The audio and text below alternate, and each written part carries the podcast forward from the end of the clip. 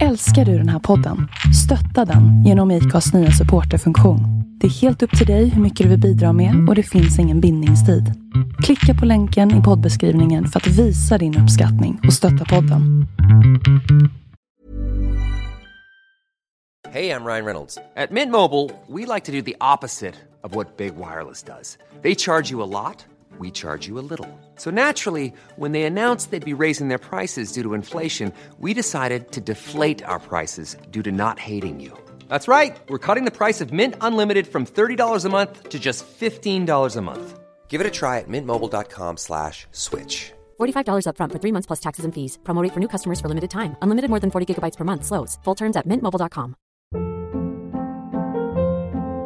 Hold up. What was that? Boring. No flavor. That was as bad as those leftovers you ate all week. Kiki Palmer here, and it's time to say hello to something fresh and guilt-free. Hello Fresh. Jazz up dinner with pecan-crusted chicken or garlic butter shrimp scampi. Now that's music to my mouth. Hello Fresh. Let's get this dinner party started. Discover all the delicious possibilities at hellofresh.com.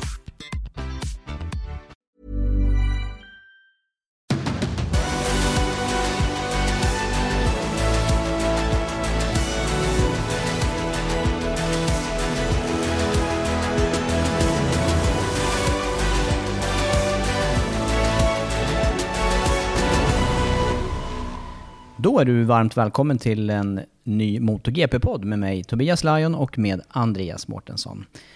Dags för... Eh, dags att dra igång eh, uppsnacket inför säsongen, är det inte det, Andreas? Jag tycker det. Eh, det har varit lite mm, paus, en månad till här. Det behöver sätta sig ibland, saker och ting.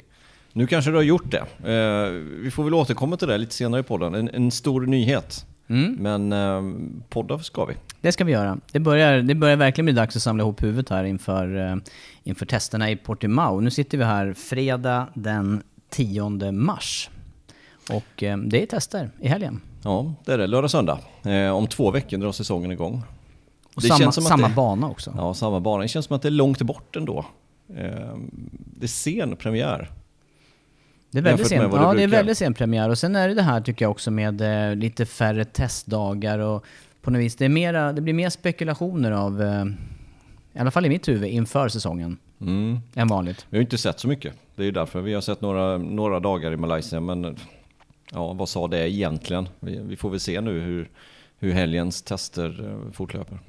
Det här kan ju bli ett mer intressant test eftersom att första racehelgen också ligger på den här banan. Så att det bör ju, det bör ju utkristallisera sig men, men redan, redan på det första testet har vi ju sett att det har utkristalliserat sig. Ja, jo, på, på ett sätt. Men på ett annat sätt så är Malaysia vet vi alltid, det är en liten speciell bana med temperatur och luftfuktighet och hur den banan ser ut. Extremt bred, lång, innehåller det mesta. Eh, Portimao är en ganska ny bana på kalendern, ska vi också komma ihåg. Det, det, det var inte många år sedan som, som det var premiär där. Det var väl pandemiåret här 2020 när Oliveira vann första racet helt överlägset. Så att det är klart att på de här säsongerna så har de skapat sig lite data därifrån, men det är ändå inte en... Det är mycket upp och ner, det är rollercoasterbana eller berg och dalbana som de säger där. Och hur kommer det funka sen på Le Mans, på Jerez, på Sachsenring, på Silverstone, i Austin? Lite, alltså de här banorna är ganska varsitt spektra om man nu får säga så. Ja. Men jag tror också det att det här eh, kommer att, det kommer att visa sig nu med eh, de här intensiva racehelgerna som står inför det här, som, som mästerskapet står inför det här året, att de som har hittat bra grundinställningar och, och kan vara med från start varje helg, de kommer ju att tjäna massor på, ja, i och med att det är race lördag också. Ja, ja, ja men det gäller ju att hitta farten redan på fredag, annars är du ju rökt.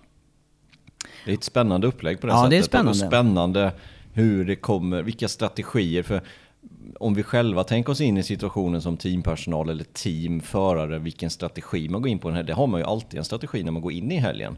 Att ja, men vi börjar med att göra de här sakerna, sen testar vi de här sakerna. Kan du undra hur, när man har tänkt igenom det där, hur det kommer sluta egentligen? Det, det kommer ju bli ett standardformat där alla använder, men i början kan det nog bli lite Ja men lite hipp som happ. Någon som använder mjuka däck i, i det läget och nästa använder det i det läget. Och...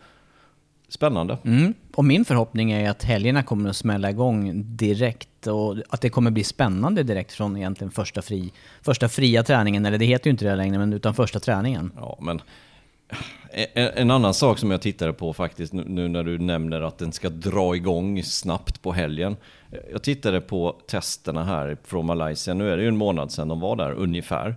Eh, första flygande varvet, och så man kommer ihåg att det har varit ett vinteruppehåll, sen har givetvis alla förarna kört extremt mycket under vintern, men de har inte kört MotoGP-hoj på två månader, ett vinteruppehåll om man nu får säga så. Första flygande varv, jag tror det var Marini faktiskt som var snabbast första flygaren. Han toppade ju sen också hela testerna. Han körde 2.03 någonting. Första flygande varvet Malaysia. Snabbaste tid var alltså 57.88. Mm. Alltså det, det är... Man jämför det med Anderstorp-tider, liksom SM-nivå. Så säg att man åker 1.31 som snabbast. Då är det alltså åka 1.37 första flygande varvet då. Ja. Det gör sig inte helt själv. Nej, nej, nej, nej. Jag är fascinerad och jag minns ju själv de här, om man ska relatera till sig själv, de perioder när man inte satt på en racehoj kontinuerligt, det vill säga det här vinteruppehållet, då kunde man ju nästan börja tvivla på sin förmåga att köra. Ja, det det under den tiden. Nu, nu är vårt vinteruppehåll tre gånger så långt kanske jo. som de har haft nu, men, men ändå. Ja. Just att, att smälla igång på helgen, det är ju någonting som de kan, för de kan ju köra motorcykel. Och det ser man ju också under helgerna normalt. Eh, det här, det är jag också fascinerad och imponerad av. Just att eh, förarna bygger på tiderna från den första passet till nästa pass. Då tar man ju vid där man slutar. Det, går, ja. det är ju inte att man börjar om, utan det går hela tiden på nästa nivå. Ja. Från, det från, blir, I princip från det första flygande. Det blir spännande att se där alltså hur, hur tajt det kommer vara på, på andra träningen helt enkelt. Mm. Vilka som tar sig vidare till kvalet som är så oerhört viktigt. Ja. Och det blir viktigt, för det är kval till lördagen och det är kval till söndagen också. Ja. Ja, vi har en del innehåll att dra igenom idag. Jag hoppas att du är redo att snacka Andreas. Eh, jag är redo. Ja, för det jag har varit tyst nu i flera månader. ja, det är startnummer, vi har eh, lite tester att snacka från Malaysia. Eh, lite kort också om sprintracen och sen eh, eh, Mark Marquez som eh, sägs vara tillbaka nu då, full, i full fysisk form. Och sen har vi den här eh, överraskningen i slutet då. Som vi håller på ett tag till. Mm. Du, eh, startnummer, vi börjar med startnummer 66 tycker jag. Ehm, för det, det. det, är avsnitt 166. Så vi, får så vi ju... fortsätter med det här den här säsongen också alltså. Det, det, är 34 avsnitt kvar nu till vi kommer till Lorenzo och sen är det väl slut då. Jag tycker det. det nu har vi påbörjat det här. Vi får ju, vi får ju ta oss igenom uppgiften. Mm. Men, men, men måste det, det ta en halvtimme varje gång? Nej, det behöver det inte göra. Och här har vi ju ett startnummer som inte är så, det är inte så stort om man säger så. Nej, jag tänker på två stycken. Jag tänker på Alex Hoffman, om vi nu ska MotoGP-relatera, vilket vi säkert ska, men kanske ändå att Tom Sykes är den kanske mest kända ändå med 66. Mm. Men eh, då, är det Superbike-VM på Sykes och eh, Alex Hoffman då som, som körde MotoGP och eh, som numera också arbetar för och gör med tv-sändningar. Mm. Han är ko vår kollega, ja. fast en annan tv-kanal. Mm. En, en, faktiskt en av de eh, före detta aktiva förare som, som i alla fall jag träffar mest i eh, depån. Vi stöter på honom ganska ofta mm. uppe i kommentatorshyttarna. Trevlig kille. Ja. Han gör och ju kör också, motorcykel kan han. Ja, han kan ju det. Han gör ju ombordvarv eh, när, mm. Eh, på, på, alla ställen och, och, mycket intervjuer och även kommentering som sagt. Men, men som racingförare där, hur, hur långt nådde han egentligen i, i, eh, i karriären? Han körde för Pramac Ducati, han körde för Kawasaki ett tag också. Mm. Tre år i Kawa. Eh, två säsonger på Ducke. Han fick göra ett inhopp dessutom 2006 där. Eh, det var väl efter Gibenaus krasch på Barcelona och Capirossis krasch på Barcelona, kan jag tänka mig. Utan att ha kollat exakt. Eh, men då fick han alltså hoppa upp från, eh, från Pramac till fabriksteamet. Du vet vad som slår mig nu när vi snackar? Jag undrar om inte han hoppade in i någon sån boxercup-race vid något tillfälle. Att jag har kört faktiskt i samma race som honom. Men det är väl, det är, med det sagt, det här måste jag dubbelkolla. Jag, jag, jag är inte så bra på exakta fakta kring det här, men det låter inte helt otroligt att han skulle ha gjort det någon gång. Det känns som honom på något sätt. Ja, för jag vet ju att Stigger gjorde det vid något tillfällen och körde eh, inhopp. De hade alltid några sådana extra hojar som tidigare förare, eller aktiva, kunde hoppa in på. Jag får återkomma till det helt enkelt. Du får fundera på det. Ja. Ehm, jag har Men- också delat bana med honom. Mm, vilken klass? Eh, ombordvarv. Då är frågan, såg han dig eller såg du honom? eller Nej, hur nej, nej, nej. Nej, Jag gav mig ut efter honom, sen såg jag inte honom. Nej, jag vet faktiskt Men han, inte. kör på, han kör på en ganska spännande Ja, men han hoj. kör ju BMW ett tag ju. Ja. Eh, den som vi också kör på. Eh, men, men sen kör han ju på den här KTM på något sätt. Ja, någon Han- Superduke. Ja, han plågar ju livet ur den där Ja, KTM. ja. Och det är mycket lek och... Ja, det är bara lek. Ja. Och så har han en sån här 360-kamera på den också. Vet jag. Ja, Ja, nej, den, eh, den får känna att den lever den där hojen. verkligen. Eh, Men hur långt kom man i, i MotoGP-sammanhang då? För det blev inte några, det blev inga riktiga toppsäsonger för hans del. Eh, nej, det blev det väl inte. Eh, det blev där runt femte plats är väl hans bästa resultat eh, från 2007. En eh, kortare karriär då, men eh, på något vis, eh, jag, jag minns tillbaka där att det, det var, känslan var att det, det, han hade gärna fortsatt att köra. Det var inte riktigt eh, färdigåkt egentligen för hans del. Eh, sen vet jag inte om hans eh, kurva hade dalat redan där i, och att det var därför som han faktiskt fick, eh, fick ge sig. Men jag har, inga, jag har inga tidigare minnen faktiskt från honom än just under MotoGP-eran. Därför han körde samma era eh, där, eh, där jag faktiskt var fysiskt på plats på en del utav racen. Så jag har sett honom ett antal tillfällen. Och Kavan var ju, det, det var ju en, eh, en hoj i alla fall att minnas och ett, ett snyggt ekipage. Det var det. Eh, jag jag har för mig också att det var någon handskada som eh, satte stopp för honom där sista, sista säsongen. Men femte plats som enskilt bästa resultat alltså. Mm. Mm. Då är ju Tom Sykes eh, meritlista eh, på ett sätt eh, vassare trots att inte han har kört MotoGP då. Men han har ju i alla fall varit världsmästare i, i Superbike-VM innan rea-eran. Så vi får ju backa ett antal år här. Nästan tvåsiffrigt. Nästan. 2013 Ja. faktiskt. ja. Eh, ja, en titel, men han har ju många, etta, tvåa, trea där i mästerskapet, fyra, eh, innan han då gick ifrån Cava, eh, gick till BMW. Och sen så var han ju British förra året, nu är han tillbaka igen eh, på Kawasaki. Ingen lysande inledning dock den här säsongen för Tom Sykes. Det känns väl som att eh, bäst före datumet är passerat. ja. Men han var ju, han var ju kvalkung, det var ju egentligen det som, som utmärker honom på något sätt. Att han eh, var ju extremt vass på att kvala. Och sen tillhör ju han de här eh, riktigt hårda britterna också som är som kom, eh, men skolade, skolade i, på brittiska rä, racerbanor. De är ju inte, de är inte blyga liksom i racingsammanhang, någon utav dem. Han är en av de hårdare tycker jag. Ja, det tycker jag också. Så det är väl någonting att ta med sig. Nej, annat har inte jag mycket att säga kring det här startnumret Andreas. Nej, Eh, Då, då, eh, går vi vidare vi till kärnverksamheten, tycker du inte mm, det? jag tycker det. Mm, och då är det ju de här testerna som då pågick i Malaysia för cirka en månad sedan. Tre dagars tester. Och det har väl satt sig lite grann efter det kring, eh, kring utgången där. Vi var inne på det redan i vår förra podd där att det var ju stark och stor Ducati-dominans. Och det, det sitter ju kvar i huvudet. Det, det ser väldigt starkt ut för eh, alla Ducati-cyklar egentligen. Med, med vissa små skillnader. Ja men det gör det. det Ducati ser ju ut att kunna dominera den här säsongen också. Eh, förra säsongen vann man både förra mästerskapet, teammästerskapet och märkesmästerskapet och Superbike-VM. Så att eh, de är i en bra form helt enkelt, Ducke just nu och eh, fortsätter på det helt enkelt. Det var ju Marini som toppade där. Han gör alltså det med en fjolårshoj. Han körde ju den modellen också, för förra året hade han ju, ja, som sagt då 2022 års modell om man nu kan kan eh, kategorisera dem i olika modeller. Eh, och, och nu kör han ju likadan. Men han säger ju ändå att det, det är en helt annan, helt annan cykel. Och, och då kanske inte han fick det där stödet riktigt förra året som man kanske förväntar sig med att ha nytt material.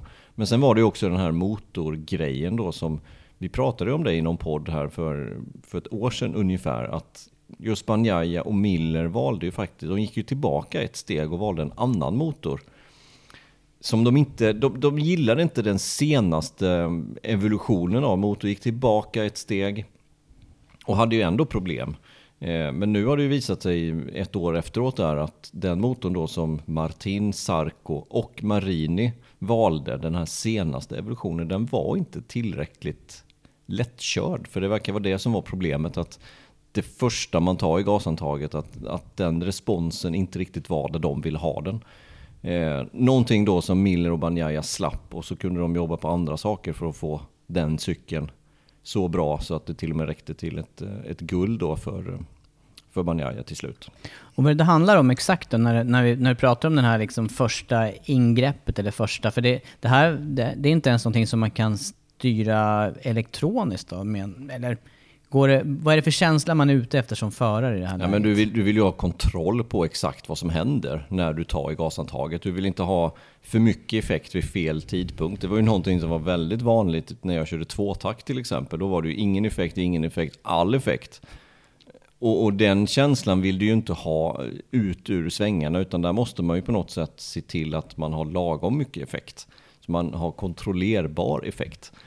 Eh, och exakt, man kan säkert lindra det med hjälp av elektronik, men, men det verkar ju som att den modellen av motor som Banjaya och Miller till slut valde var den rätta. Och det säger ju Martin nu också. Han är ju supernöjd med den här nya cykeln med, så att han slapp helt enkelt den här problemmotorn som han hade då under förra säsongen. Mm. Och eh, i övrigt då på, för Ducatis del. Vi såg ju utvecklingen under året och vi såg ju också att alla, i princip alla förare som åkte Ducati lyckades ju med toppresultat vid något tillfälle. Eh, och eh, bara det är ju ett starkt betyg åt, åt märket. Eh, och, och, då har man ju en bra grund för den här säsongen. Det är ju, alla ska ju på något vis, alla siktar ju mot Ducati och gärna lite förbi då, men det, är, det känns som att det är en nivå extra de har legat på under fjolåret i alla fall. Mm, ja, och det är ju så som testerna såg ut också, att de har någon, någon nivå extra. Men test, det är test. Vi får se sen vad förare också kan göra skillnad. Men, men i och med att eh, det blir det här ändrade upplägget på helgerna, någonting som också talar för Ducati, det har vi också varit inne på, det är ju det här att eh, ha förmåga, eller att ge förarna möjlighet att sätta enskilt snabba varv också. Att få igång däck tillräckligt snabbt och så vidare. Det är också någonting som de är väldigt bra på. Det såg vi förra året, just att få igång, eh, få igång bakdäcken eh, och kunna utnyttja de mjuka däcken på första flygande varvet. Någonting Banjaya var ju väldigt bra på. Eh, och kunna utnyttja det extra fästet man har. För det, det kan låta minimal skillnad, men andra flygande varvet är ju inte däcken lika bra. Så enkelt är det ju. Kan du utnyttja det första flygande varvet så har du en fördel. Få, men det gäller ju att få upp temperaturen då så att du inte flyger över styret istället. Med att inte är uppe i temperatur nog. Eh, och det verkar ju Ducatin vara grym på helt enkelt. Och kunna få igång däcken snabbt. Eh, men det kan ju också, oftast när det är så, då, då kanske man förbrukar lite för mycket däck i slutet på racet. Någonting som, eh, som några förare måste skärpa till sig lite på. Eh, just det där med att ha däck kvar. Ja, den, den som har stuckit ut eh, åt det hållet och har däck kvar, det är ju Vinea Bastianini. Ja, ja men det är det ju. Absolut. Och, och, det har vi också varit inne på, men det blir ju väldigt intressant att se hur han eh, lyckas här under, under lördagarna då. Ja men exakt, han måste ju, dels måste han ju få till fredagen på ett bra sätt. Fredagen ska vi komma ihåg att varken Bastianini eller Banjaya är speciellt rappa på att komma igång på helgen. Det var ju egentligen Banjayas akilleshäl förra året också, att han tog sin tid för att kunna sätta bra varvtider. Nu har han en kvart till på ena, ena träningen där, andra, andra träningen. Eh, kanske räcker med den kvarten, men oftast när det är sådär, det är svårt att träna bort det. Att vara snabb direkt. Det, det, är någonting som man oftast är eller inte är. Och eh, frågan är vad han, vad han gör för att öva upp det där. För det kommer att krävas. För, för han kan inte vara 13-15 på fredagen. Det går inte. Han, han, måste vara betydligt högre upp. Annars så kan han, kommer han inte kunna försvara sin titel. Nej, och det är ju som du säger där, eftersom det är få testdagar och man har mycket att fokusera på så är den här delen är ju det, det, tror inte jag är ett prioriterat område helt enkelt, när det, när det kommer till tre testdagar på Sepang. Att komma fort upp i fart menar jag. Nej, men det, det är ju någonting, det vet ju kanske framförallt Bastianini också. Eh, nu pratade jag om Banjaya innan, men Bastianini är ju samma sak där. Han kommer ju när det är tio varv kvar på racet och då lär det ju vara för sent i år. Det är klart att man kan ta segrar på det också. Han tog ju fyra segrar förra året, men det är ett sprintrace också som han måste prestera. Han måste kunna ta de här 12 poängen. Det är mycket poäng som står på spel bara på lördagen. Så Det skulle jag säga är en utmaning för båda förarna i fabriksteamet att, eh, att komma igång tidigare på helgen eh, och vara med från början. Mm. Och från början, det handlar ju också en, en sak till här som, eh, som jag tyckte att vi såg de andra fabrikaten närma sig på. Det var ju det här med starterna på racet. Ducati var ju tidiga med att vara, de var ju, de var ju överlägsna en period att ta sig från stillastående och iväg. Ja. Eh, frågan är hur eh, känslan var att det var på väg att utjämnas här under fjolåret. Mm. Jag håller med. Håller med. Eh, de andra var ju eh, långt efter. Eh, kanske inte i början på förra året utan för några år sedan. Men sen har de andra närmat sig och till och med Jamma nu hänger med bra fram till första kurvan. Men regelförändringarna i år då med de här sänkningarna, vad är det som gäller då för, eh, för eh, start och vidare under racet med sänkningsanordningar fjädringsmässigt? Var det någon, någon slags teknisk eh, förändring? Ja, att fram inte är tillåten under racets gång. Eh, bak är ju fortfarande tillåtet och det kommer nog vara det också. Eh, många pratar ju om att det, det, man vill förbjuda den här sänkningsanordningen bak, men det kommer ju inte att ske. Skulle det ske så skulle det i sådana fall ske till nästa kontraktsperiod som fabrikaten har med Dorna skulle jag gissa på. Det är om fyra år, så det är en bit kvar. Men en sak som jag tänker på också när det gäller Ducati här, det är ju en... Eh, det har ju varit också en stor styrka med deras fart i eh, slutet av raksträckorna. Men även här tyckte jag mig se under säsongen som gick att, att andra fabrikat närmar sig. Och vi såg det lite grann här under försäsongstesterna också nu med särskilt Yamaha då, som, som även fått till bättre toppfart. Mm. Den är ju den där är jättesvår att veta just nu. För, för det pågår också ett aerodynamikkrig i den här klassen som kanske på allvar har dratt igång nu. Vi ser de olika lösningar på de flesta cyklarna. Vi ser den här ground-effekten med fullt nedlägg som vi inte såg för något, för, för något år sedan. Eh, och alla aerodynamiska vingar eller lösningar som man har på cykeln, det genererar ju också drag. Det vill säga det bromsar upp på raksträckorna. Har du mycket effekt, då kan du också ha mycket aerodynamik, men ändå en bra toppfart. Tar du bort allting, som kanske, nu säger jag inte att Yamaha har gjort det, men säg, säg, att det är så att de har gått ett annat steg, då kanske de har mindre aerodynamiska lösningar till förfogande så att säga i de kurviga partierna, men mer toppfart. Så att det där är jättesvårt att bara gå på topplistan. Okej, okay, är de med nu? ja, vem vet? Ducke kanske kör med, ja du vet, hur mycket drag som helst. Som gör att de får mer dynamik och får bättre, ja mer helt enkelt ground effekt, mer, mer dynamik i, i svängarna istället. Så att, och då är, vi, då, är vi, då är vi på den här frågan som, som vi alltid kommer till då när det, när det handlar om racing, att det är dels det här att sätta ihop hela varvet, ja. eh, men också sen i race-situation. Eh, och Ducati har ju, om man ska knyta ihop just Ducati-snacket här, så är det ju... Det har ju varit ganska många plussidor för, för det fabrikatet, inklusive möjlighet att köra om andra cyklar under race. Mm.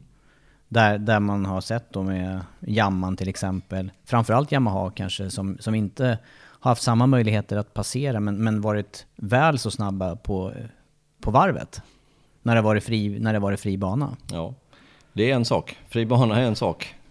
Race en annan. Mm. Mm. Ja, men, det, men... det ska bli spännande att se det där. Ja. Väldigt spännande att se. Ja. Vad det utvecklar sig. Eh, just med de här aerodynamiska lösningarna.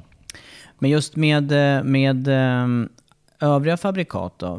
Vad är det som ligger närmast Ducati här nu då när det handlar om eh, varvtider eller det man kan utläsa från Malaysia. Jag vill minnas att båda Aprilia-cyklarna var med i eh, inslängda i Ducati-mixen där. Ja, men det var de ju. Eh, Vinales var trea, Elaine Spargero var sexa. Det, det, är ju de som är...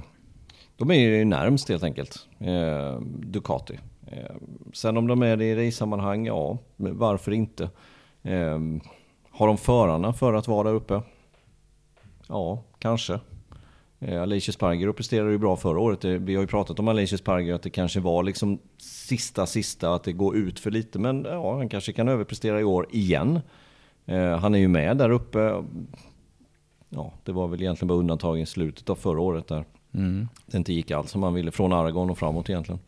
Nej, det var blandat. Det var ju, det var var ju blandat. blandat från hans egna misstag och även... eh, eh, Och då tänker jag kanske främst Barcelona, men, men det var ju sen också olika saker inom teamet där som till Ja. slut sänkte hans chanser. Men, men det kanske är dags för Vinales nu att äntligen den eh, 15 säsongen kliva fram. Han behöver ju, han behöver ju ta chansen också. Ja, men han behöver ju det. Han gjorde alltså premiär i MotoGP 2015. 2015 för Suzuki. Eh, 2016 tog han sin första seger. Eh, nu är det 2023 så det är snart 10 år alltså i klassen. Det kanske är dags nu för Vinales att äntligen få ihop en säsong. Var nära på seger förra året. Men sen vet vi att han är ju en, en sån här förare som man vet inte vad man har honom. Han kan vara supersnabb, testerna är han alltid snabb. Men sen beror ju mycket på vilken sida han vaknar på på, på söndag morgon, vilken, vilket resultat han kommer få. Men du, har jag, har jag förstått rätt? Är det tillökning i familjen på gång också där? För Såg ut så igår. Ja, jag tyckte vi såg något igår va? Visst var det Sociala så? medier. Ja. Ja. Eh, och det vet man ju inte heller hur det påverkar faktiskt. Men han är ju... Nej, men han, han har ju redan helt- en ju. Jo, jo. En Och- eller två, jag vet inte, det spelar ingen större roll kanske just psykologiskt. eller? Nej, det kanske inte. Men, eh, men han är En ju... kan ju ställa till problem. Han är ju definitivt en förare som... Eh, I rätt miljö funkar han ju riktigt bra. Ja, ja. Men vi har ju sett riktiga utspel och tokspel från hans sida också. Genom åren.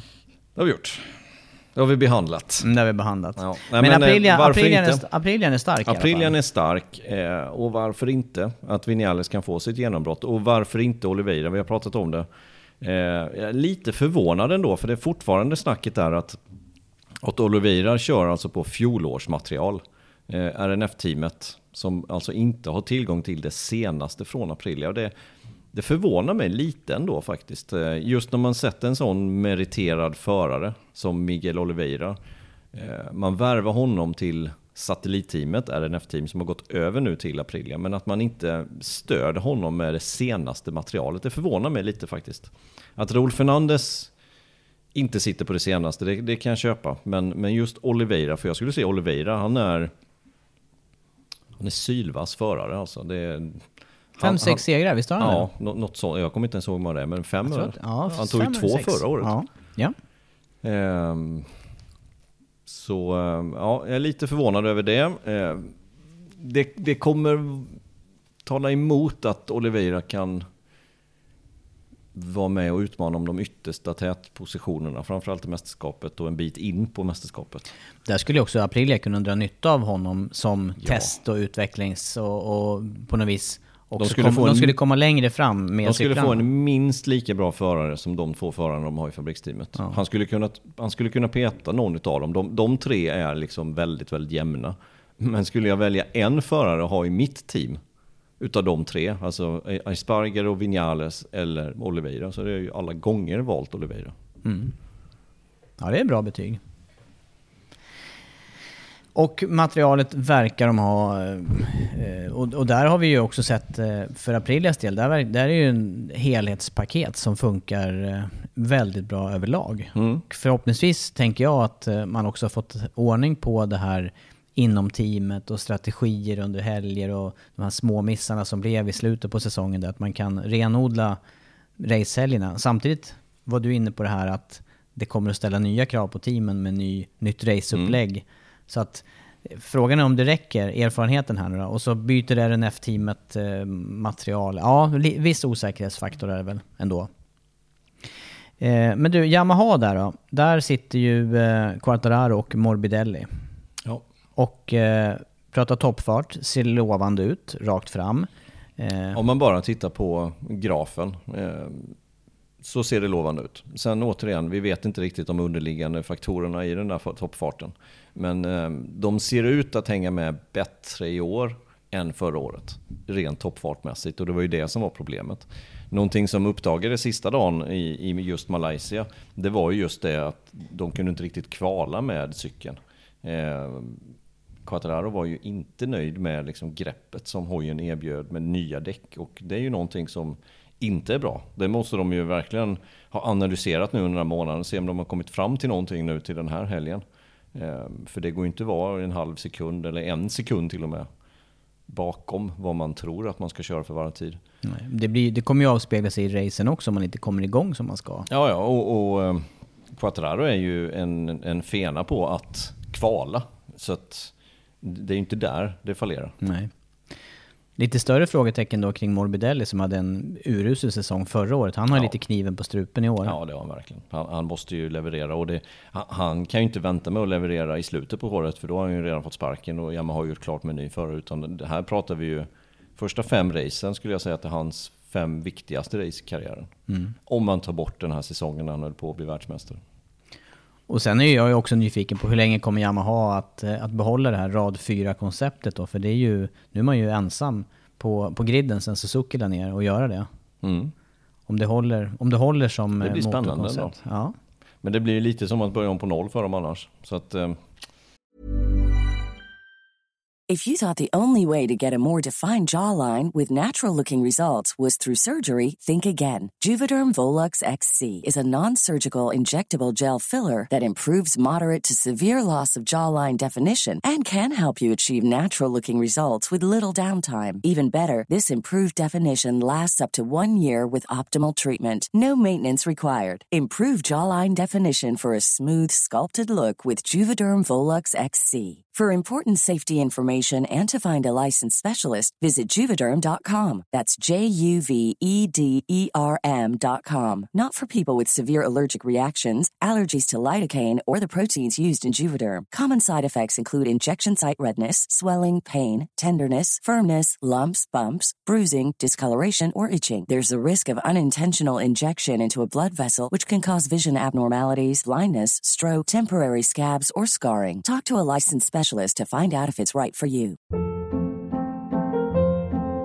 Hold up. What was that? Boring. No flavor. That was as bad as those leftovers you ate all week. Kiki Palmer here, and it's time to say hello to something fresh and guilt-free. Hello Fresh. Jazz up dinner with pecan-crusted chicken or garlic butter shrimp scampi. Now that's music to my mouth. Hello Fresh. Let's get this dinner party started. Discover all the delicious possibilities at hellofresh.com. Since 2013, Bombas has donated over 100 million socks, underwear, and t shirts to those facing homelessness. If we counted those on air, this ad would last over 1,157 days. But if we counted the time it takes to make a donation possible, it would take just a few clicks. Because every time you make a purchase, Bombas donates an item to someone who needs it. Go to bombas.com slash ACAST and use code ACAST for 20% off your first purchase. That's bombas.com slash ACAST, code ACAST. Det är svåra avvägningar där också om man ska överge ett helt koncept för att alla andra åker på ett annat koncept. Eh, Det har ju funkat ganska bra för Yamaha hittills. Ändå. Ja, ja, det har det gjort. Men det tänker jag också när man ska värva en ny förare här och vad ska man titta någonstans? Ja, men kolla, kolla på någonstans. Suzuki ändå, liksom, att de fick ju ändå fart i hojen förra året. Så att det borde gå. Eh, och nu har man värvat lite nya, ny, ny personal till Yamaha som förhoppningsvis få ordning på, på de sakerna som de har lidit av de senaste säsongerna. Eh, men just förarmässigt, det blir också spännande. Eh, som vi säger, Morbidelli behöver prestera på en riktigt hög nivå första 5-7 racen. För att ens vara med i racet om en plats till nästkommande säsong. Men, men sen har vi ju, både Toprak eh, har ju, det har vi ju spekulerat om i flera år nu. Jag vet inte, det, det, han ligger säkert på tapeten fortfarande. eh, Men eh, ja, jag vet, jag vet faktiskt inte. Eh, Det kan vara så att tåget har gått för honom. Faktiskt.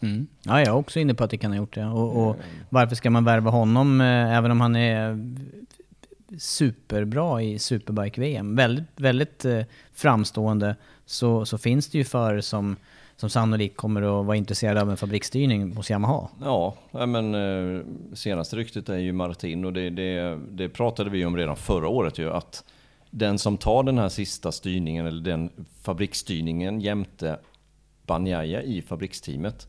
Den andra där kommer ju behöva se sig om efter någonting annat om den föraren vill bli fabriksförare. För, för både Banjaya och Bastianini är ju unga förare relativt som sitter i det här teamet. Det, det, det kan ju dröja 5-6 år innan de två, eller någon av de två byts ut. Eh, därför var det ju så extremt viktigt för Bastianini att ta den där styrningen. Och därför känner jag det som helt naturligt att, att Martin ser sig om efter någonting annat. Men skillnaden där, som att bli fabriksförare mot att åka i ett satellitteam, behöver den vara så stor egentligen då? Nej, den behöver inte vara det. Eh, men det, det, har dock aldrig skett i MotoGP-eran fortfarande. Jag tjatar om det, men det, det har inte skett i MotoGP-eran att en förare på en satellitcykel har vunnit ett mästerskap. Eh, senast det hände i 500-tiden, det, det, var väl Rossi då, 2001. Ja, den här gul, vit, svarta Hondan. Mastro, mm. Surro. Ja. ja. Det var ju inte för det officiella teamet, utan det var ju för ett, ett annat team. Eller. Men eh, det ska mycket till. Det ska mm. mycket, mycket till att en satellitförare vinner, men jag ser det inte som helt omöjligt. Ska jag ge någon förare på griden möjligheterna i år att göra det så är det ju Martin. Det, det är ju ingen annan direkt som jag ser som, som kör satellithoj som skulle kunna vara med och utmana om en titel. Utan är det någon som kan vara med och utmana så är det Jorge Martin. Kvala kan han, då ska han få till eh, fulla race-distanser helt enkelt. Ja, men sprintrace återigen. Kan han ta 12 poäng i 10-15 utav sprintracen? Mm. Ja, då räcker det rätt långt. Ja. Absolut. Men Ducati, Aprilia och Yamaha, det får vi ändå se som de tre starkaste fabrikaten? Eller vill du, eller vill du lyfta något annat? Nej, nej, det är ju bara två kvar nu efter Suzuki lämnar ju bara fem. Men, men eh, det, det, är ju de tre, de är ju steget före eh, de två andra fabrikaten. Så är det Vad säger du om, eh, om, om vi tar KTM och GasGas här som egentligen samma? Det är samma. Samma cykel, med, med andra, olika färger bara de har liksom knackat på dörren ja. här och haft enstaka toppresultat. Både med Binder, med Oliveira och, och eh, i regn. Och, men inte riktigt hållit måttet fulla säsonger. Nej, de har inte gjort det. Kan, det de, ta det, kan de ta det sista klivet? Jag vet inte. Jag vet inte. Ehm, Miller och Binder ehm, i fabriksteamet till eh, den här säsongen. Binder, eller Miller imponerade ju inte på testerna, eller på testen i Malaysia åtminstone. Eh, kändes ganska off där. Eh, var inte alls med fartmässigt. Men Binder var inte heller speciellt bra med. Och, och Binder vet vi också, han lider ju också lite av det att han är en söndagsåkare. Presterar jättebra på söndagar, men eh, har problem på kvalet och sällan med i Q2. Nej, han är ju en av dem som, tittar man på antal omkörda, eller antal positioner att klättra under race så måste ju ja. Binder vara den som toppar. Ja, men han är ju högt upp där.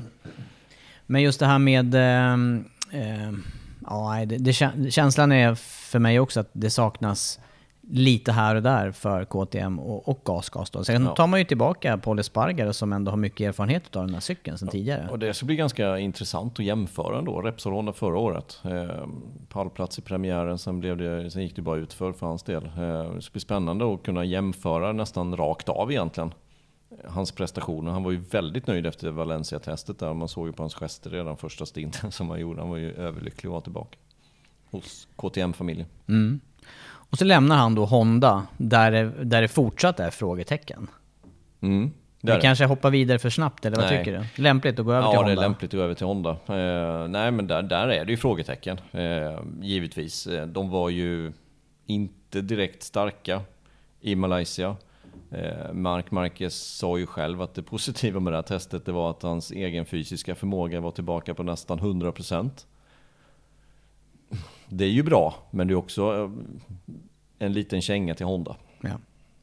Nej, och, och är det, det, det, här är ju, det är ju faktiskt en viss, eh, som jag tänker, en viss oro eh, utifrån och, och, från min sida i alla fall då, att om man en före som Mark Marquez, som vi vet har vunnit massor av VM-titlar, som sitter på en cykel som är lite sämre, då måste ju han överköra den här för att, för att prestera. Och då, då har man ju igen det här, liksom, man kör ändå så mycket på gränsen så att Ja, men, ja, jo.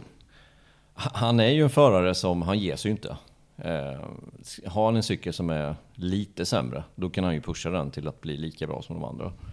Eh, men han, han har ju närmare till misstagen också. Ja, det är det jag är inne på. Liksom, ja, men, det... Absolut, mm. så är det Men, men han, han, han är ju en förare som kan göra skillnad. Sätt Mark Marquez på en Ducati så, så kan vi sluta följa det här mästerskapet, för det blir inte roligt. Det blir liksom tråkigare än 2019 när han vann alla race, tänkte säga. Han blev ett och två utom ett race i Austin och då kraschade han från fem sekunders ledning. Liksom. Det, det, det är på den nivån. Eh, Men han... Men nu han, sitter han inte på en Ducati Nej, och, det. och det är det som gör det här spännande.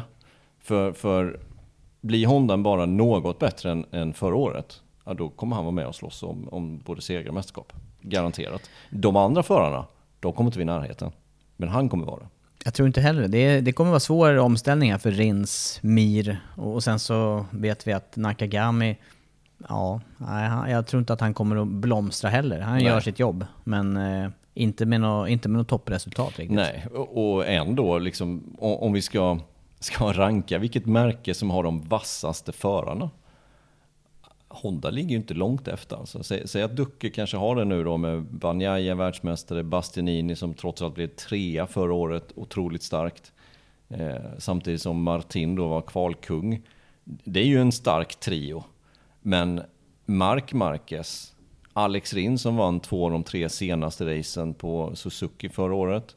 Och så Mir, 2020 års världsmästare. Det är ingen dålig trio det heller. Alltså det, är, det är riktigt bra förare. Dock så är ju två utav dem, de är ju Suzuki-fostrade. Så att vi vet ju inte riktigt vad de kan prestera på en rad 4, eller på en eh, V4. Nej. Nej, högst öppet. Men jag tycker också att man kan läsa in det på Mark Marquez reaktioner, att det krävs någonting extra och vidare utveckling innan den här, innan den här cykeln är eh, fullt konkurrenskraftig. Ja, och eh, en, en annan spännande sak att jämföra just bästa märket då, som är Ducati, kanske med det sämsta, om du nu säger att Ja, jag, skulle, jag skulle inte säga att Honda är sämre än KTM, jag skulle säga att de är ungefär likvärdiga som det ser ut just nu. Eh, och jämföra det med en förare som faktiskt har hoppat från Honda till Ducati, vilket är då Alex Marquez. Ganska spännande att jämföra hans tid. Han kör alltså snabbare på testet än vad han gjorde under racehelgen där. Och det är också spännande att jämföra Alex Marquez och Mark Marquez. Ja, ja. De har ju inte, det har ju inte, ja det var Portimao där för någon säsong sedan, till och med förra året, som de hade en liten fight på banan. Men jag tror att vi kommer att se många fighter mellan Mark Marquez och Alex Marquez i år. Jag räknar med att, Mar, att Alex Marquez kommer vara regelbundet topp 10. Sexa, sjua, femma, kan säkert blixtra till med en pallplats också för Alex Marquez. Så att han kommer vara med där uppe och slåss med brorsan, det, det tror jag. Men det visar också vilken, vilket steg det är från Honda till Ducati. Det är ett stort steg som de har tillåtit det bli nu, Honda. verkligen. Hon- Honda är ju trots allt det rikaste märket med mest resurser. De, de ska inte ligga där nere som de ligger. Men man vet ju det också, när man har mycket resurser då kan det gå ganska, jag ska inte säga snabbt, men vem vet vad de rullar ut här imorgon på testet. Det kan vara en bra cykel för Mark Marquez som, som gör de här två, tre tiondelar snabbare, som gör att han kan vara med och slåss mycket högre upp än vad han kanske tror själv. Ja, väldigt intressant att se som sagt var fortsatt här hur, ehm, hur testerna kommande helg ska ta sig ut. Och, och ska vi också passa på då att nämna eh, Luca Marini som eh, faktiskt toppade testerna i, eh, i Malaysia till slut. Eh, han var ju den utav Ducati-förarna som eh, inte lyckades ta det här toppresultatet. Han tog ingen pallplats förra året. Nej, det är nog dags i år. Det tror jag. Ja. Han han är en smart förare, Marini. Det är han Sällan verkligen. misstag. Är, är det en... Fick han en nolla nu i Thailand i regnet där? han fick- kraschade ju ja, där. Han fick någon nolla. Men han reste väl upp där? Jag, jag vet inte, men han hade ju inget brutet race mot GP-klassen. Helt otroligt. Mm. Riktigt, riktigt vass och hålla sig på hjulen. Japp. Ja, det var testerna i Malaysia det. Och, Men nu eh, är det ju tester imorgon och det, är- det är mycket jag förväntar mig. Jag förväntar mig en helt annan Honda. Definitivt. Jag förväntar mig en Yamaha som funkar över ett varv. Ehm, och sen får vi se Ducke då. Vad kommer de rulla ut? För garanterat att vi kommer få se någonting den här helgen som vi inte såg i Malaysia.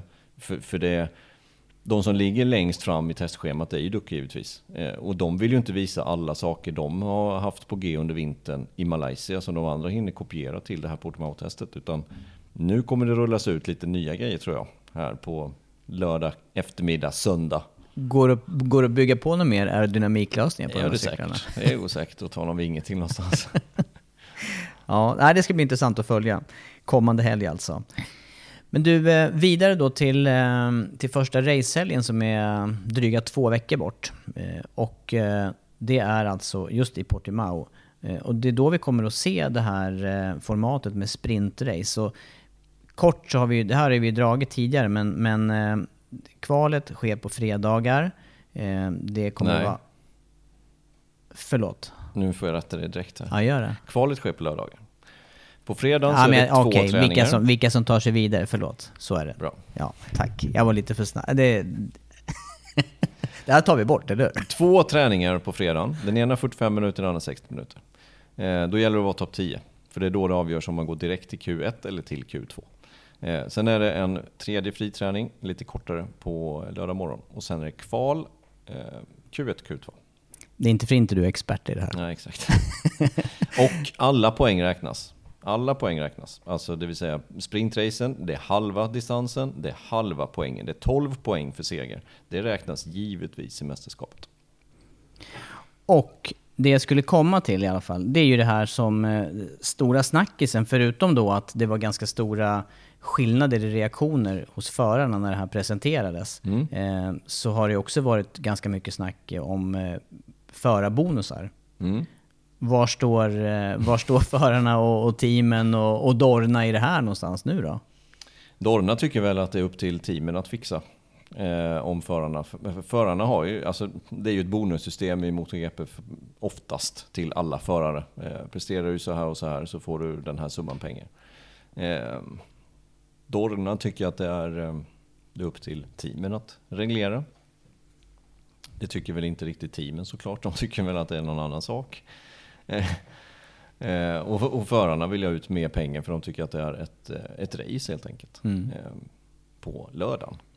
Om det nu är så, eller så är det deras manager som vill att vi ska prata om detta.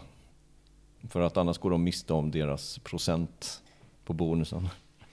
Men det är helt klart ett racetillfälle. Om du hade varit förare själv i det här då, eller ja, från förarperspektiv. Eh, tycker du att det känns rimligt då att man har en, eh, att, att man vill ha mer ersättning då för att det är race på lördagen? Jag, vet faktiskt inte. Jag, jag, jag, ser det nästan som en icke-fråga. Faktiskt. Jag, jag, man, man börjar ju med den här sporten för man tycker om att racea, eller? Annars kan man ju köra rally. Ja, men rally är ju också ett slags... Ja, du racear mot alltså, klockan. Ra- då ja, racear du mot klockan. Som ett kval. Ja. Ja. Ja. Då, kan, då kan man ju kvala då ju. Men den här sporten går ut på att racea ju. Man kör ju samtidigt. Det är ju massstart. Av en anledning. Det är ju för att alla tycker om att racea. Inte hålla på och träna. Träna är ju det tråkigaste som finns. Det är ju racea man vill göra. Eller? Ja, absolut. Har jag fel? Nej, nej, nej. Jag, jag, Tänk att köra gokart och så kör man en och en i hykart. Liksom så här, en och en. Hur Det roligt blir är det? kör man mot dig, då blir det ju ändå en och en Ja, det körning. blir det ju, för ni hänger ju inte med. Nej, men det är exakt. inte mitt fel. Nej, men det, det är ju, alla håller ju på med den här sporten för att racea. Så är det. Så de som inte tycker om det och vill ställa in sin cykel i minsta lilla detalj så vända skruv pekar exakt i den gradantalen som de vill.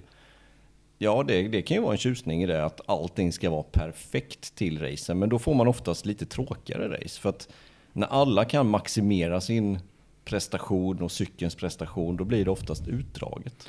Och det har vi ju sett också med eh, de här eh, banorna under coronapandemin. Ja. När man körde dubbla racehelger. Ja. Det blev ju går sällan, det blev, det blev aldrig snabbare. bättre race. Nej, det går jättemycket snabbare andra racet, eller 10 sekunder eller något liknande andra racet. Men det blir sällan bättre med fighter på banan, utan tvärtom.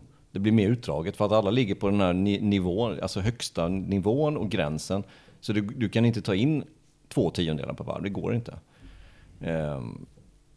Så jag, jag, tycker, jag, jag tror att den här den här diskussionen, den, den har uppkommit av managers som eh, har sett en sak där de kan tjäna ännu mer pengar på sin procentsats på sina förare. Och de har satt agendan på det här. Mer managers än Ja, förare. ja mer så. Men, Men- men, men sen- men samtidigt borde ju det här också generera mer pengar till... Ja, men det eh, kan det väl göra. Jag tänker också för Dornas del, eh, Ja, publiksiffror upp, absolut. eh, fler som följer sändningar, fler som... Det är klart att förarna ska ha betalt för det de gör. Självklart. Det ska ju inte vara någon annan, för det är ju de som gör showen liksom. Så är det ju. Det är ju förarna som gör showen, det är ju de som ska ha betalt. Eh, så givetvis så får man ju reglera detta i framtida kontrakt, men jag tycker det har blivit en alldeles stor grej jämfört med vad det egentligen är. För att de förarna som finns på griden, oftast när man är mitt uppe i sin aktiva karriär så, så tänker man liksom inte på oj vad mycket pengar jag tjänar nu, nu ska jag göra detta och detta. Man fokuserar på att vinna racet och innan man inte fundera på hur många miljoner man har på banken, det kan man göra sen. Eh, och visserligen, det är ju managerns jobb då att se till så att ens korta karriär också genererar pengar som man kan leva på det livet ut helst. Mm. Eh, men jag tycker det är bra att det raceas. Det tycker jag med. Det ser jag fram emot mycket. Ja, jag, hade och- velat ha, jag hade velat ha en liten del av kakan som förare. Jag, jag, jag, jag, jag fattar din, din ståndpunkt, men jag hade nog ställt mig på den här lite på barrikaderna och försökt att få en liten del där. Jag håller med om det. Jag, jag säger inte emot det. Jag tycker bara att det har blivit en stor grej jämfört med vad det kanske egentligen är. Men det är klart att förarna ska ha pengar, det är inget snack om saken. Det, är, det är ju också ganska stor skillnad, ska vi ju ha klar- klart för oss, eh, lönemässigt. Det finns ju de som kanske inte behöver de där extra tillskotten och sen finns det ganska många som... Och allting beror ju på hur kontraktet är utformat. En Ja. del kan ju ha en stor grundlön eh, med en mindre eh, bonusbaserade del medan andra har det tvärtom. Det exempel som är bäst där så kanske det är Casey Stoner 2007 som enligt uppgift hade en väldigt låg grundlön men däremot en ganska fet bonus. För ingen hade tänkt att han skulle gå och vinna 12 race eller vad han vann för någonting och vinna mästerskapet till slut. Men det gjorde han ju. Ja, det var, det var, det var spännande. Ja, det roligt. var kul. Det Ja. var riktigt kul. Eh, säsongen det där 2007 för just Casey Stone. Ja. Men eh, mer race är bra. Eh, sen finns det ju andra aspekter i det. Det, det blir ju lite mer jobb för alla inblandade givetvis. Det blir mer press för alla inblandade.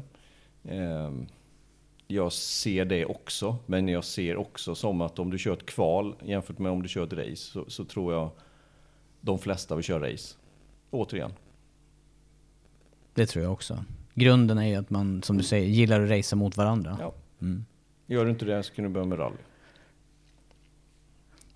Där tycker jag vi sätter punkt på det. Eller Paris-Dakar Ja, det med. kan man sätta. Eller det kan man Dakar. göra. Ja, ja, ja. kan du köra det då? Mm. Varför heter det Dakar fortfarande? Nu kommer jag på något sidospår. De kör ju aldrig till Dakar längre. Nej. Vad gick det senast? Var det Saudi igen? Saudiarabien tror jag. Ja. Och innan var det ju Argentina massa år och de har ju kört lite överallt. Just, inte Dakar längre. Nej. Och något år körde de ju ner till... Körde de inte ner till Kenya något år också? Jag har för mig att det gick åt det hållet i Afrika också. Ah, ja, nu kommer vi verkligen på sidospår. Vi skulle bara sluta med det här med rally. Rally, kör rally om du inte vill... eh, Om du inte vill racea. Om du inte vill ha... Precis. Mm. Om du inte vill racea. Du, jag tycker vi ska gå in på nästa punkt här i podden. Yes. Eh, och eh, då är det ju det som, eh, som många pratar om här med Mark Marquez. Där han eh, sägs vara tillbaka i full fysisk form. Eh, och det passar också bra att knyta ihop kring det här med, med bonusar, för han är ju också den bäst betalde föraren, med, med all rätt tycker jag, med tanke på hans VM-titlar. Eh, han har alltså tagit sig den här vägen tillbaka och det som är intressant nu, det är ju var han står och vad han... Eh, vi vet ju också utifrån en dokumentär som precis har släppts kring honom att det är, in, det är inte bara att vara världsmästare i, i eh, MotoGP. Nej, det är inte bara. Ny dokumentärserie alltså som har släppts på eh, Prime, Amazon Prime, precis där som eh, ja, den här dokumentären gick även förra året. Eh, I år blev det ju ingen ny sån MotoGP-dokumentär utan det blev den här istället om Mark Marquez, alltså All In heter den. Kan rekommenderas väldigt mycket. Eh, jag tycker den var bra. Ehm, det är väl inga nyheter direkt men det är ändå jag tycker det var intressant ändå att följa honom där. Man, man märker ju där att det är inte så glamoröst alla gånger. Eh, Man, jag känner igen mig i några av de där, liksom, när man sitter i en depåbox eh, med en, eh, en verktygslåda och en cykel med däckvärmare och så sitter man där ensam. Ehm, Ja, det är inte alltid det är superglamoröst som vi, som vi kanske är vana vid att Nej, se vi såg ju lite grann av det här tillsammans och precis de där scenerna eh, sitter kvar också på min näthinna med, med den här utsattheten och ensamheten och sen då lägg på då skador, press att eh, prestera igen. Han, han kom ju till den här säsongen med eh, egna krav på att ta en ytterligare VM-titel. Och Mm. det då på ett material som vi nyss har behandlat som kanske inte är konkurrenskraftigt. Det krävs ju en alldeles speciell eh, typ av eh, skalle för att klara av det Ja, här. ja, ja. ja men det, det är ju hans, alltså det är ju en av hans största styrkor, det är ju, det är ju mentalt.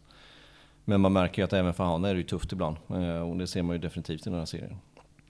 Sen blir det intressant också att se hans, eh, hans uppoffringar rent eh, fysiskt som man måste göra för att ta sig tillbaka efter skadan. Det är, det, det är en lång skadeperiod som han nu då verkar ha tagit sig igenom och ut på andra sidan. Och det, det, såg ju, det såg ju knappt ut så ett tag, som att han skulle komma vidare. Nej, Nej det, såg, det såg mörkt ut där och framförallt då med den här eh, dubbelseendet som man hade två gånger dessutom eh, senaste åren. Så såg det ju väldigt dystert ut för hans del. Men eh, bra serie ändå. Eh, det är hans perspektiv. Vi ska komma ihåg att det här är ingen riktig, det är ingen journalistisk dokumentär på det sättet. För det är ju trots allt eh, han och hans bror som står bakom den. Som är alltså i produktionsbolaget. Så att, tillsammans med Red Bull. Så man, om vi får ta det, det, det är hans perspektiv helt enkelt. Ehm, men jag tycker ändå att den är så ärlig den kan bli med tanke på det. Mm.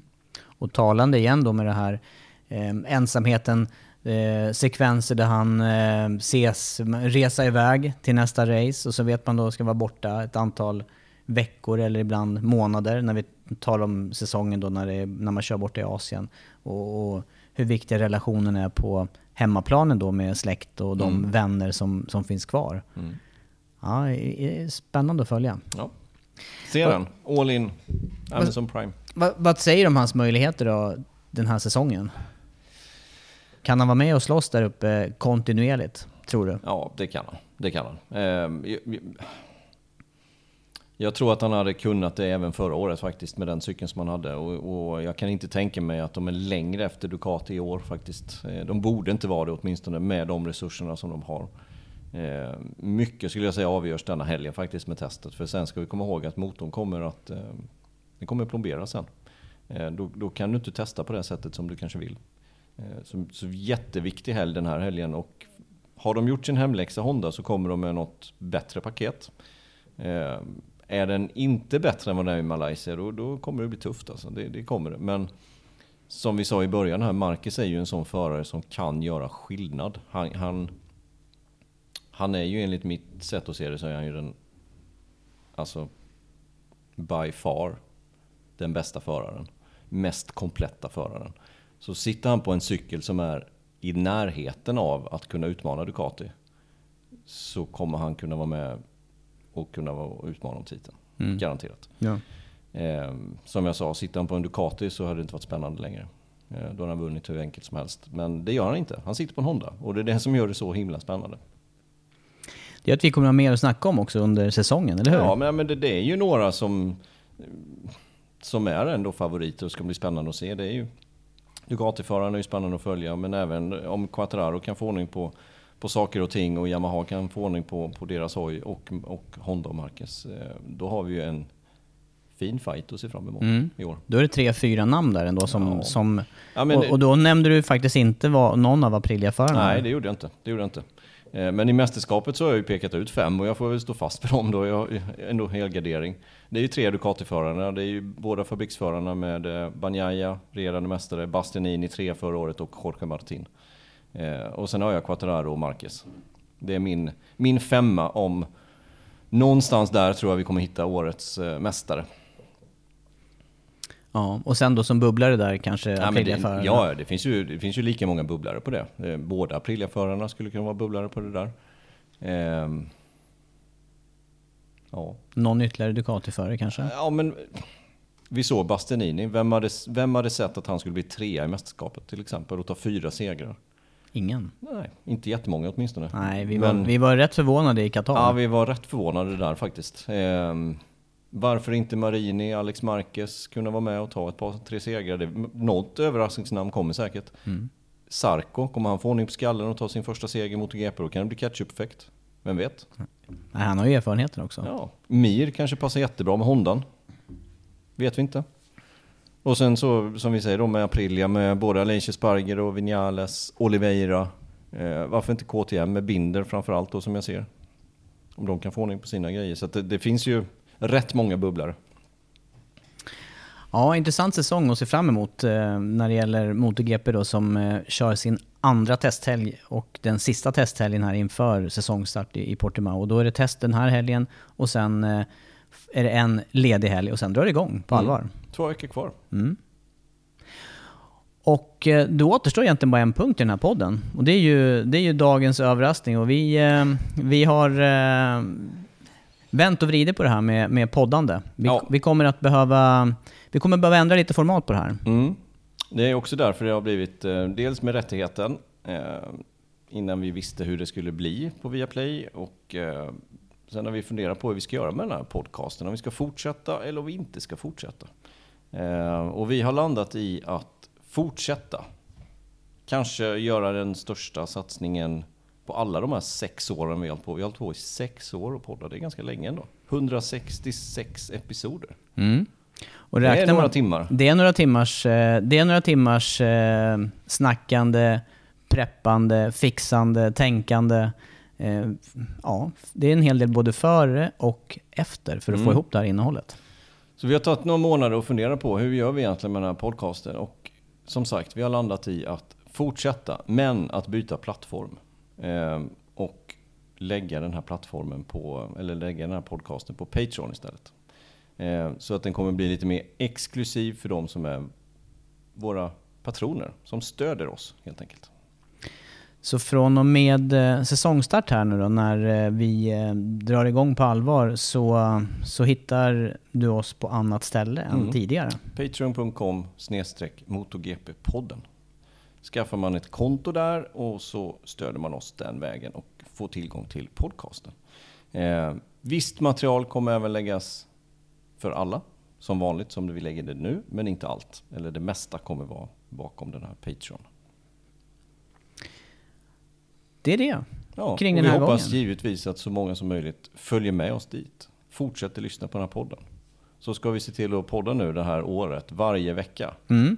Och det Inga blir fusk nu, för nu, nu har vi bestämt oss för Japp. hur vi ska göra. Japp. Eh, därför har det blivit som sagt lite mindre poddar den senaste månaden under vintern. Men nu drar det igång, så nu är det dags att, att växla upp. Absolut. Häng med oss vidare. Det ser vi jättegärna eh, att du gör och ser mycket fram emot. Och så um, ska vi um, fortsätta att leverera innehåll i den här podden. Mm. Testa det i helgen. Sen vet vi mer hur det går. Absolut. Tack för idag.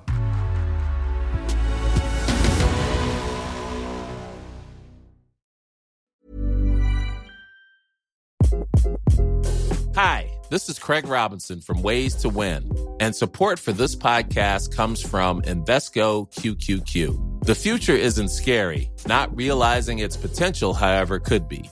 Just like on the recruiting trail, I've seen potential come in many forms as a coach. Learn more at Invesco.com slash QQQ. Let's rethink possibility. Invesco Distributors, Inc.